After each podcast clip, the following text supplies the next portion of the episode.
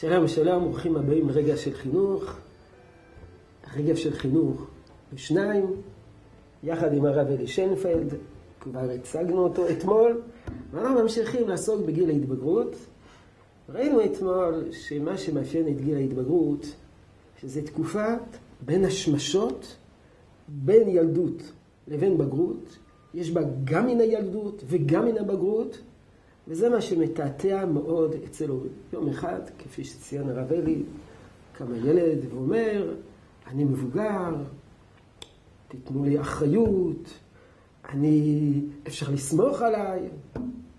ומתברר שנתת לו אחריות, ואי אפשר לסמוך עליו. והורים מאוכזבים. כבר חשבו שיש להם ילד מבוגר בבית. אז אכזבה, ומשדרים את האכזבה. אז טוב, אז כנראה שאתה ילד, אז נתנהג לך כמו ילד. עכשיו מי שמאוכזב זה הנער, מכיוון שהוא מרגיש בתוכו שיש בו כבר מן הבגרות. והוא מאוכזב מההורים שלו, שמתייחסים אליו כמו ילד, והרי הוא מרגיש בתוכו שיש בו כבר משהו שצמח בו, יש בו כבר משהו שעזב את הילדות. אפשר לומר שילד מתבגר, נער מתבגר, הוא ילד מבוגר או מבוגר ילד. וזה מחייב אותנו אה, מצד אחד לתמוך בבגרות, וגם לשדר שאנחנו רואים שיש בו צדדים של בגרות, כי הרי הוא מצפה שאנחנו נתייחס אליו כבוגר.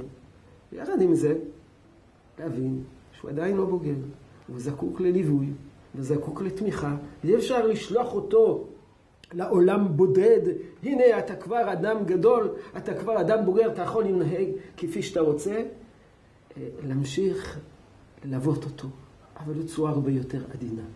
אז אולי אחת העצות החשובות מאוד בגיל ההתבגרות זה סבלנות, סבלנות. ההתבגרות היא תהליך, סבלנות. לא לאבד את הסבלנות באמצע. לאבד את הסבלנות יכולה להיות משני הכיוונים. אה, זה אתה ילד, או, אתה כבר בוגר. לא, סבלנות. זה תהליך. הרב אלי, בבקשה. אני רוצה להמשיך אה, בדיוק על אותה נקודה. מעבר לליווי, אני מגדיר את זה ליווי. וסבלנות. וסבלנות. בתוך התקופה של הסבלנות אנחנו צריכים לחדד לעצמנו פעם אחת ויותר שאנחנו המבוגרים האחראים. זאת אומרת, בגלל שהנער שנמצא בפנינו, אפילו מבחינה פיזיולוגית, הוא גדול, הוא חסון, יש לו דעה, אז הרבה פעמים אנחנו מצפים ממנו שהוא יהיה המבוגר. ולא תמיד הוא מבוגר, גם מבחינה פיזיולוגית, שלב ההכרה שלו עדיין לא בשל לחלוטין. ולכן הרבה פעמים אנחנו מצפים שכביכול יחס יהיה גורר יחס. אמר לי פעם מורה, אה, הוא פגע בי, אז אני אפגע בו. כאילו זה כאילו זה אדם מבוגר ויש יחסים הדדיים שקולים. הוא לא מבין שהוא אבא וזה ילד. אני אומר, אנחנו בגיל ההתבגרות צריכים להיות העוגן, המבוגר האחראי. הרבה פעמים מתייחסים אלינו לא בצורה נאותה, ואני לא אחזיר לו באותו מטבע לשון.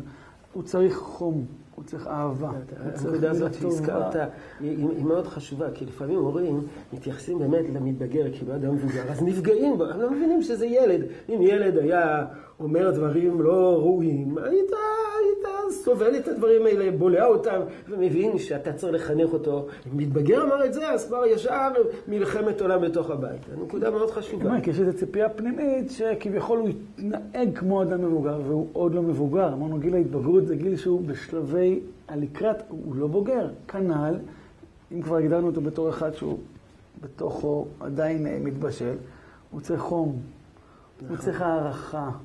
צריך מילה טובה. אם נקליט פעם כמה מילים טובות ילדים קטנים מקבלים, זה יוצא לנו חופשי. שפע, שפע. זה שפע אינסופי, זה לא גבולות. אושר של חום ואושר של אהבה. זה מגיע לגיל ההתבגרות. מתבגר, הוא כבר, הוא כבר אדם מבוגר, יש לו כבר אפילו זיפים בזקן, והוא כבר, כבר לא צריכים. והוא גם, והוא גם משדר כלפי חוץ. לא, הכל בסדר. אבל בתוכו, הם צריכים קשר, הם צריכים חום, הם צריכים הערכה, הם צריכים מילה טובה, זה חמצן.